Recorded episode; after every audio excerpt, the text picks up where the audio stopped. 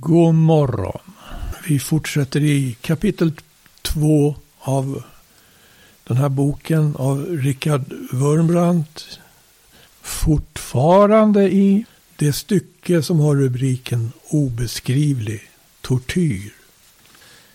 En av de verkligt stora troshjältarna var pastor Milan Hajmovici. Fängelserna var överfulla och vakterna kände inte till våra namn. De ropade fram dem som dömts till 25 piskrapp för att de överträtt något fängelseförbud. Pastor Haimo Vici gick ut för att ta straffet på sig istället för någon annan. Därigenom vann han de andra fångarnas respekt, inte bara för sin egen person, utan även för Kristus som han representerade. Om jag skulle fortsätta att berätta om kommunisttortyrens alla fasor och de kristnas självuppoffringar skulle jag aldrig sluta. Det var inte bara de olika slagen av tortyr som blev kända. De fångnas heroiska gärningar blev också kända och till stor inspiration för trosyskon som ännu vistades i frihet. Bland våra medarbetare i den underjordiska församlingen fanns även en ung flicka. Kommunistpolisen hade upptäckt att hon i hemlighet spred evangeliedelar och undervisade barn i söndagsskolan. De beslöt att arrestera henne. Men för att göra arresteringen så smärtsam som möjligt beslöt de att uppskjuta den några veckor till flickans bröllopsdag då hon stod brudklädd. Den underbaraste dagen i en flickas liv. Plötsligt öppnades dörren och hemliga polisen rusade in. När bruden fick syn på dem räckte hon fram armarna för att ta emot handbojorna. Rått och brutalt satte de tunga handklovarna på hennes handleder. Hon såg på sin trolovade, kysste sedan bojorna och sa Jag tackar min himmelske brudgum för detta smycke som han förärat mig med på min bröllopsdag. Jag tackar honom för att jag aktas värdig att lida för honom. Hon släpades bort, lämnade sina trossyskon och den gråtande brudgummen efter sig. De visste vad som brukar hända unga kristna flickor som råkar i händerna på kommunistvakterna. Efter fem år blev hon frigiven. En förstörd bruten kvinna som såg 30 år äldre ut. Hennes trolovade hade väntat på henne. Hon sa att det hon lidit var det minsta hon kunnat göra för Kristus. Sådan skönhet kan man få möta i den underjordiska kyrkan. Nästa stycke har rubriken Vad hjärntvätt är. Många har säkert hört talas om hjärntvätten under Koreakriget och nu i Vietnam. Jag har själv genomgått hjärntvätt och vet att den utgör den mest fasansfulla tortyr. Under fyra år fick vi sitta 17 timmar om dygnet och lyssna till följande. Kommunismen är god, kommunismen är god, kommunismen är god. Kristendomen är löjlig, kristendomen är löjlig, kristendomen är löjlig, kristendomen är löjlig. Ge upp, ge upp, Ge upp, ge upp. 17 timmar om dygnet, dag efter dag, vecka efter vecka, månad efter månad. Många kristna har frågat mig hur vi kunde stå emot hjärntvätten. Det finns bara ett sätt att motstå den. Det är, det är hjärttvätten. Om hjärtat är rent genom tron på Jesus, så att det älskar honom, då kan du motstå all slags tortyr. Vad skulle inte en älskande brud vilja göra för sin brudgum? Vad skulle inte en kärleksfull mor göra för sitt barn? Om du älskar Kristus liksom Maria som bar honom på sina armar, då kan du motstå sådan tortyr. Gud kommer inte att döma oss efter hur mycket vi kunnat uthärda, utan efter hur mycket vi älskat. Jag är ett vittne från kommunistfängelserna om hur de kristna kunde älska både Gud och människor. I fängelset fortsatte den brutala tortyren utan avbrott. När jag ibland brukade förlora medvetandet eller bli alltför omtöcknad för att ge mina bödlar hopp om ytterligare bekännelser brukade jag återsändas till min cell. Där fick jag ligga utan vård, halvdöd, för att återvinna en smula kraft, så att det skulle kunna börja misshandla mig igen. Många dog vid denna tidpunkt, men på ett eller annat sätt brukade min livskraft återvända. Under de många år som följde i olika fängelser slog det sönder fyra ryggkotor på mig, förutom många andra ben i min kropp. På ett dussintal ställen skar det mig med knivar, 18 hål brändes eller skars in i min kropp. När läkare i Oslo såg allt detta jämte spåren efter den lungtuberkulos som jag också hade förklarade det att det var ett mirakel att jag ännu levde. Enligt deras medicinska litteratur skulle jag ha varit död för flera år sedan. Jag vet själv att det är ett under. Gud är undrens Gud. Jag tror att Gud utförde detta under för att ni skulle få höra min röst. Ropa till förmån för den underjordiska kyrkan. Han lät någon komma ut med livet i behåll för att högt ropa ut budskapet från era lidande, ståndaktiga trossyskon. Nästa stycke har rubriken En kort frist och ny arrestering. Det var nu år 1956. Jag hade varit åtta och ett halvt år i fängelse. Jag hade gått ner mycket i vikt, fått fula ärr, blivit brutalt pryglad och sparkad, smädats, svultit och ända till omtöckning pressats med förhör, hotats och på allt sätt vanvårdats. Ingenting av detta hade lett till det resultat mina plågare var ute efter. Av idel misströstan släppte det till slut lös mig. Dessutom fick det motta ständiga pro protester utifrån över att jag hölls fängslad. Jag fick tillåtelse att återvända till min, gamla, till min gamla anställning, men bara för en vecka. Jag höll två predikningar. Sedan kallades jag in och tillsades att jag inte fick predika mer, inte heller åta mig någon annan religiös verksamhet. Vad hade jag då sagt?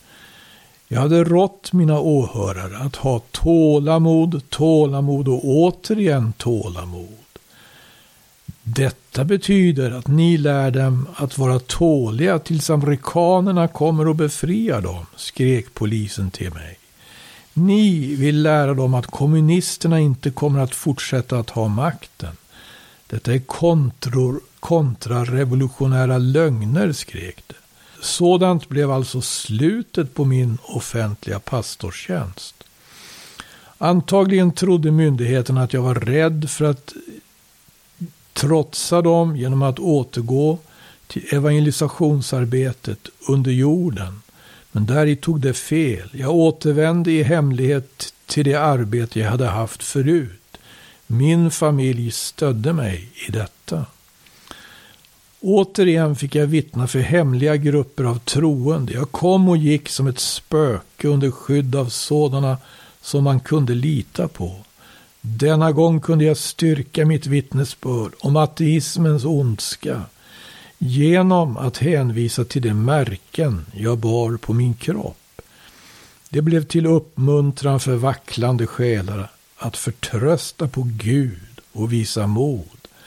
Jag stod i spetsen för en hemlig organisation av evangelister som hjälpte varandra att sprida evangelium mitt för ögonen på av försynen förblindade kommunister. Om en människa är så blind att hon inte kan se Guds hand i verksamhet kan hon tydligen inte heller upptäcka en evangelist. Till sist fick polisen lön för sitt oupphörliga intresse för mina göranden och låtanden och mina tillhåll. Jag blev upptäckt och fängslad på nytt. Av någon orsak fängslades denna gång inte min familj. Kanske på grund av den publicitet jag vunnit. Jag hade varit åtta och ett halvt år i fängelse och så haft några års relativ frihet. Nu skulle jag få sitta fängslad ytterligare fem och ett halvt år. Min andra fängelsetid var i många avseenden värre än den första. Jag visste ju så väl vad jag hade att vänta. Min fysiska kondition blev nästan genast mycket dålig, men vi fortsatte den underjordiska kyrkans arbete i de underjordiska kommunistfängelserna. Nästa stycke har rubriken det var en överenskommelse. Vi predikade, de pryglade. Det var strängt förbjudet att predika för de andra fångarna. Det stod klart för oss att vem som än ertappades med att göra detta skulle få strängt prygelstraff. En del av oss beslöt att betala detta pris för att få predika. Därför gick vi in på villkoren. Det var en överenskommelse. Vi predikade och det slog oss. Vi var lyckliga när vi predikade. Det var lyckliga när det fick prygla oss. Så alla var nöjda. Följande tilldrog sig flera gånger än jag kan minnas. En broder predikade för de andra fångarna. Då vakterna plötsligt rusade in och avbröt honom mitt i en mening. De släpade honom med sig ut genom korridoren fram till pryglingsrummet. Efter vad som tycktes en ändlös avbasning förde de honom tillbaka och kastade in honom till oss på golvet blodig och rådbråkad. Långsamt reste han sin illa tilltygade kropp, ordnade med svårighet sina kläder och sa Nå bröder, vad var det jag sa när jag blev avbruten? Och så fortsatte han sin predikan. Jag har verkligen sett underbara ting. Ibland var predikanterna lekmän, enkla män, inspirerade av den heliga ande, predikade härligt. De inlade hela sitt hjärta i orden för att predika under sådana hotfulla omständigheter. Det var, in, det var inte någon småsak. Vakterna brukade ju komma och föra ut predikanterna för att slå honom halvdöd. I fängelset i Gerl, Gerla blev en kristen vid namn Greshu dömd till att pryglas till döds. Denna procedur varade i flera veckor. Man slog honom etappvis. Ena gången slog man honom exempelvis en enda gång med en gummibatong under fotsulorna, varefter man lämnade honom. Om några minuter fick han ett nytt slag och efter ytterligare några minuter ett till. Han blev slagen på testiklarna. Sedan gav en doktor honom en injektion. Han repade sig och fick god och riklig mat för att krafterna skulle återställas. Sedan pryglades han igen tills han småningom dog under deras långdragna upprepade prygel. Den som ledde denna tortyr var medlem i centralkommittén för partiet och hette Räck. Denne Rex sa vid ett tillfälle något som kommunisterna ofta brukade säga till de kristna. Du förstår, det är jag som är Gud. Jag har makt över liv och död. Den som är i himlen kan inte bestämma om du ska få leva. Allting beror på mig. Om jag önskar det får du leva. Om jag vill så blir du dödad. Jag är Gud. På det viset smädade man de kristna. Broder Gresho gav i denna förfärliga situation Räck ett svar som är mycket intressant. Jag fick höra det efteråt av Räck själv. Gresho sa Ni vet inte vilket djupsinnigt ord ni nu sagt mig. Ni är verkligen en gud. Varje larv är i själva verket en fjäril. Om den utvecklar sig rätt. Ni har inte blivit skapad till att vara en bödel. En människa som dödar. Ni har blivit skapade till att vara en Guds avbild. Jesus sa till judarna på sin tid. Ni är gudar. Gud har lagt in något av sitt liv i ert hjärta. Många förföljare som ni, till exempel aposteln Paulus, har vid ett visst tillfälle upptäckt att det är en skam för en människa att begå grymheter och att hon kan göra mycket bättre saker. Därför har de blivit delaktiga av gudomlig natur. Tro mig, herr Räck, er verkliga kallelse är att vara, ett, att vara en gud, en Guds avbild och inte en bödel. Vid det tillfället ägnade Räck inte mycket uppmärksamhet åt sitt offers ord, lika lite som Saulus av Tarsus brydde sig om det sköna vittnesbörd som Stefanus avlade när han stenades i Saulus åsyn. Men dessa ord verkade i Rex hjärta och han förstod senare att detta var hans verkliga kallelse.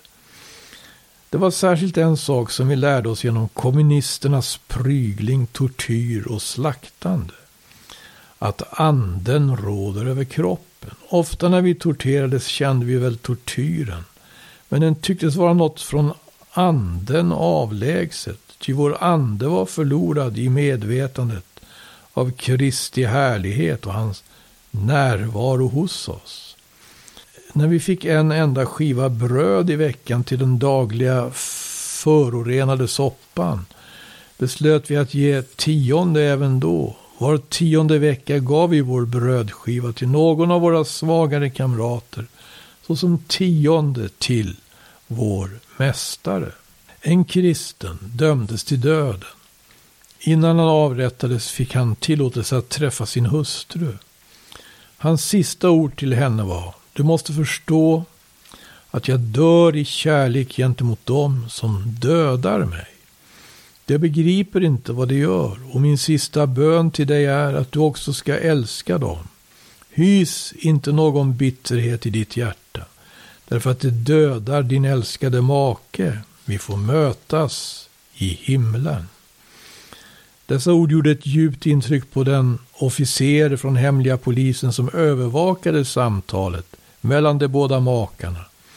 Och han berättade det efteråt för mig i fängelset, dit han själv blivit förpassad därför att han hade blivit en kristen. I fängelset i Tirgul Ochna fanns det en mycket ung fånge som hette Machivisi. Han hade fängslats vid 18 års ålder. På grund av all tortyr var han nu mycket sjuk i tuberkulos. Hans familj fick på något sätt reda på hans allvarliga sjukdomstillstånd och sände honom hundra flaskor streptomycin, vilket skulle kunna betyda räddningen av hans liv. Fängelsets politiska officer kallade in honom till sig, visade honom paketet och sa Här finns den medicin som kan rädda ditt liv. Men du har inte tillåtelse att ta emot paket hemifrån. Personligen skulle jag gärna vilja hjälpa dig. Du är ung, jag skulle inte vilja se dig dö i fängelset. Hjälp mig nu så att jag kan hjälpa dig. Tala om för mig vad du vet om dina medfångar så kan jag inför mina överordnade motivera varför jag gav dig paketet. Malchivisi svarade omedelbart. Jag vill inte leva och behöva skämmas när jag ser mig själv i spegeln som en förrädare. Jag kan inte acceptera ert villkor. Jag föredrar att dö. Officeren från hemliga polisen skakade hand med honom och sa Jag gratulerar dig, jag väntade inte något annat svar från dig. Men jag vill gärna ge dig ett annat förslag. Några av fångarna har blivit angivade. Du låtsas vara kommunist. De låtsas vara kommunister och har angivit dig. Det spelar en dubbelroll. Vi har inget förtroende för dem. Vi skulle vilja veta hur pass uppriktiga de är. Gentemot dig är de förrädare. De tillfogar dig mycken skada genom att underrätta oss om vad du gör och säger. Jag förstår att du inte vill förråda dina kamrater, men låt oss få upp upplysningar om dem som är emot dig så, så ska vi skona ditt liv. Machevisi svarade lika bestämt som förut. Jag är en Kristi lärjung och han har lärt oss att även älska våra fiender. Dessa människor som förråder oss gör oss stor skada, men jag kan inte löna ont med ont. Jag kan inte ge er upplysningar om dem. Jag tycker synd om dem. Jag ber för dem. Jag vill inte ha något samröre med kommunisterna. Machivisi kom tillbaka från diskussionen med officeren och dog sedan i samma cell som jag satt i. Jag såg honom dö. Prisande Gud. Kärleken segrade till och med över den naturliga längtan att få leva. Om en fattig människa är en stor musikälskare ger hon sina sista slantar för att kunna åhöra en konsert. Sedan är hon utan pengar, men hon känner sig inte lurad för den skull. Hon har ju hört så mycket vackert. Jag känner mig inte heller besviken därför att jag förlorat så många år av mitt liv i fängelse. Jag har fått se underbara ting. Jag har själv varit en av de svaga och obetydliga. Men jag har haft förmånen att, att sitta fängslad tillsammans med stora helgon och troshjältar som kan jämföras med de första århundradenas kristna. Det gick med glädje i döden för Kristus. Den andliga skönheten hos dessa helgon och troshjältar kan aldrig beskrivas. Det jag här har berättat om är inga undantagsfall. Det övernaturliga har blivit något naturligt för oss, kristna i den underjordiska kyrkan. Det är en församling som återvänt till den första kärleken. Innan jag kom i fängelse älskade jag Kristus mycket högt. Nu sedan jag sett Kristi brud, hans andliga kropp, i fängelset skulle jag vilja säga att jag älskar den underjordiska kyrkan lika högt som jag älskar Kristus själv. Jag har sett hennes skönhet och heliga offervilja. Nästa stycke har rubriken Vad som hände med min hustru och son. Jag blev tagen från min hustru. Jag visste inte hur det gick för henne sedan. Först efter många år fick jag höra att också hon satts i fängelse. Kvinnliga kristna fångar lider mer än männen i fängelse. Flickor har blivit våldtagna av brutala vaktmän. Hånet och obsceniteten är ruskiga. Kvinnorna tvingades till hårt arbete vid en kanal som skulle byggas. De måste fullgöra samma dagsverke som männen. De skottade jord även på vintern. Prostituerade kvinnor sattes som övervakare och tävlade med varandra i att plåga de troende. Min hustru har fått äta gräs som boskap för att uppehålla livet. Råttor och ormar åts vid kanalbygget av de hungriga fångarna. Ett av fångvaktarnas glädjeämnen var att de söndagarna kasta kvinnorna i Donau för att sedan fiska upp dem, skratta åt dem och göra hån av dem när de såg deras genomvåta kroppar. Så kastades kvinnorna i på nytt och fiskades upp på nytt. Min hustru kastades också i Donau på detta sätt. Min son fick ströva omkring på gatorna när han blivit kvarlämnad ensam med både far och mor i fängelse. Mihai hade från barndomen varit religiöst lagd och mycket intresserad av andliga spörsmål. När han var nio år och både far och mor blivit honom fråntagna genomgick han en kris i sitt trosliv. Han blev bitter och började tvivla. Han hade sådana problem som barn i hans ålder brukar slippa. Han måste tänka på att förtjäna sitt uppehälle. Det ansågs vara ett brott att hjälpa de kristna martyrernas familjer. Två kvinnor som hjälpte honom arresterades efteråt och fick så hård prygel att de fortfarande efter 15 år är invalider. En dam som riskerade livet genom att ta Mihai hem till sig dömdes till åtta års fängelse för brottet att ha hjälpt de fängslades familjer. Alla hennes tänder sparkades ut och man bröt sönder benen i hennes kropp. Hon kommer aldrig att kunna arbeta mer. Även hon är en krympling för livet. Sista stycket här då har rubriken Mihai, tro på Jesus. Vid elva års ålder började Mihai förtjäna sitt uppehälle som regelrätt arbetare. Lidandena hade kommit hans tro att vackla. Men två år efter min hustrus arrestering fick han tillåtelse att träffa henne. Han gick till kommunistfängelset och fick se sin mor bakom järngallret. Hon var smutsig och mager, hade valkiga händer och var iklädd en sjaskig fångdräkt. Han kände knappast igen henne. Hennes första ord var Mihai, tro på Jesus. Vakterna greps av vilt raseri och släpade bort min hustru så att Mihai inte fick se henne mer. Han grät när hans mor släpades bort. Detta blev ögonblicket för hans omvändelse. Han förstod att om man kan älska Jesus under sådana förhållanden, då måste han vara den sanne frälsaren. Han sa efteråt, om kristendomen inte skulle ha några andra argument till sin förmån än det faktum att min mor tror på den, så är detta nog för mig. Den dagen tog han emot Kristus helt. I skolan hade han en ständig kamp för sin existens. Han var en god elev och till premium fick han en röd halsduk. Tecknet på medlemskap i kommunisternas ungdomsförbund. Mihai sa, jag vill aldrig bära en halsduk som det som satt min far och mor i fängelse ger mig. För detta blev han religerad ur skolan. Efter ett förlorat skolår lyckades han bli antagen i en annan skola genom att dölja att han var son till en kristen fånge. Senare måste han skriva en uppsats riktad mot Bibeln.